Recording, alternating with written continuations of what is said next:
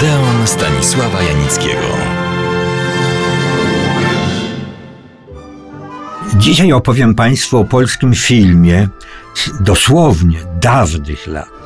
Jego premiera odbyła się bowiem 10 kwietnia 1930 roku. Dla przypomnienia, były to burzliwe lata, kiedy kończył się niemy okres kina, a rozpoczynał dźwiękowy.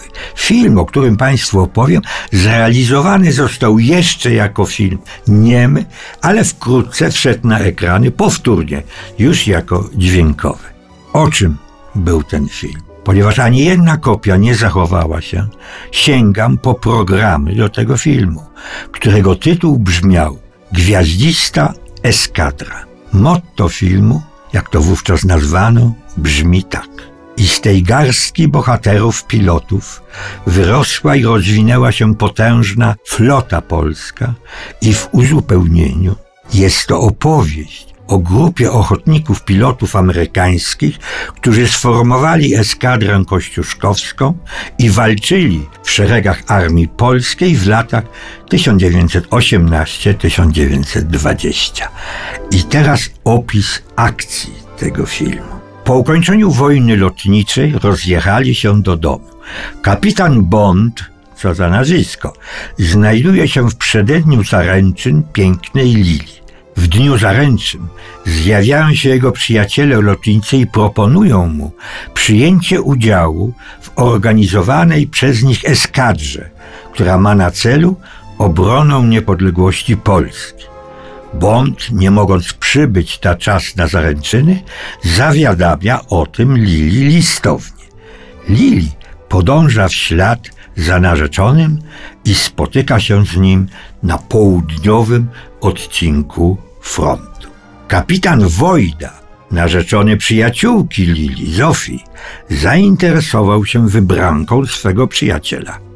Bond zaś skierował swe sympatie w stronę Zofii. Między lotnikami następuje rozdźwięk.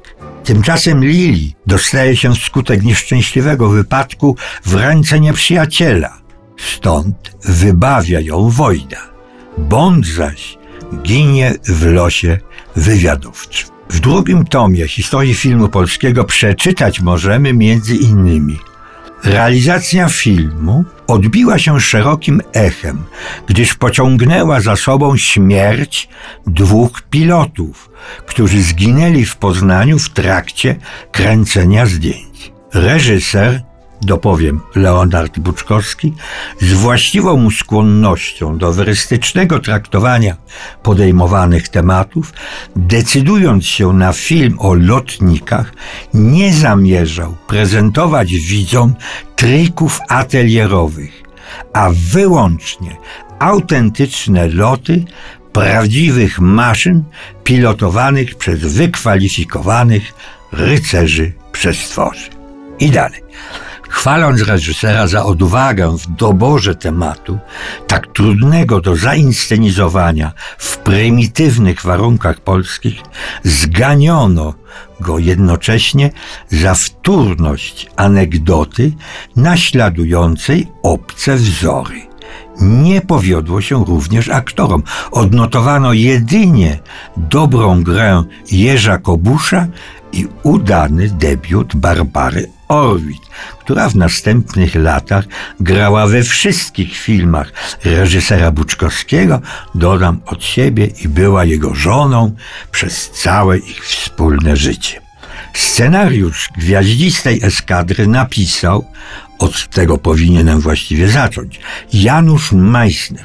Szczególnie kinomanom polecam jego książkę Wiatr w podeszwach. Oto krótki fragment. Od rana szaleje zacięta bitwa. Latam w kółko na małej wysokości z odważnym operatorem, który używając ręcznej kamery i walcząc z pędem nakręca porywający się atak na bagnety, szarżę kawalerii, huraganowy ogień artylerii. Zawracam tuż nad okopami. Wyciągam w górę na pełnym gazie. Znów wracam Nurkuję ostro, niżej, jeszcze niżej, a pode mną i na wprost ziemia tryska.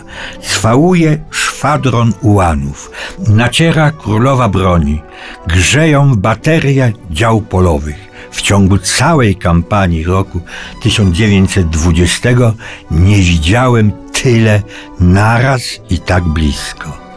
Wtem, gdy już wykonują kolejną pikę, dwa metry nad dymiącymi lejami, pod maszyną wybucha spóźniona petarda. Wstrząs, gruchot, gejzer piachu i żwiru smagnął po sterach i po kadłubie. O, do diabła. Wychylam się, wykręcam szyję. Połowa statecznika poziomego obdarło z płótna, a z pokrycia ogona pozostała postrzępiona firanka. Jak się to wszystko teraz rozsypie? Ale jakoś się nie rozsypuje. Próbuję ostrożnie, czy ster działa. Działa, tylko samolot zrobił się ciężki w ogonie. Wytrzyma do lotniska, czy lepiej gdzieś tu wylądować? Ba, gdzie? Na tych wertepach? Co dalej?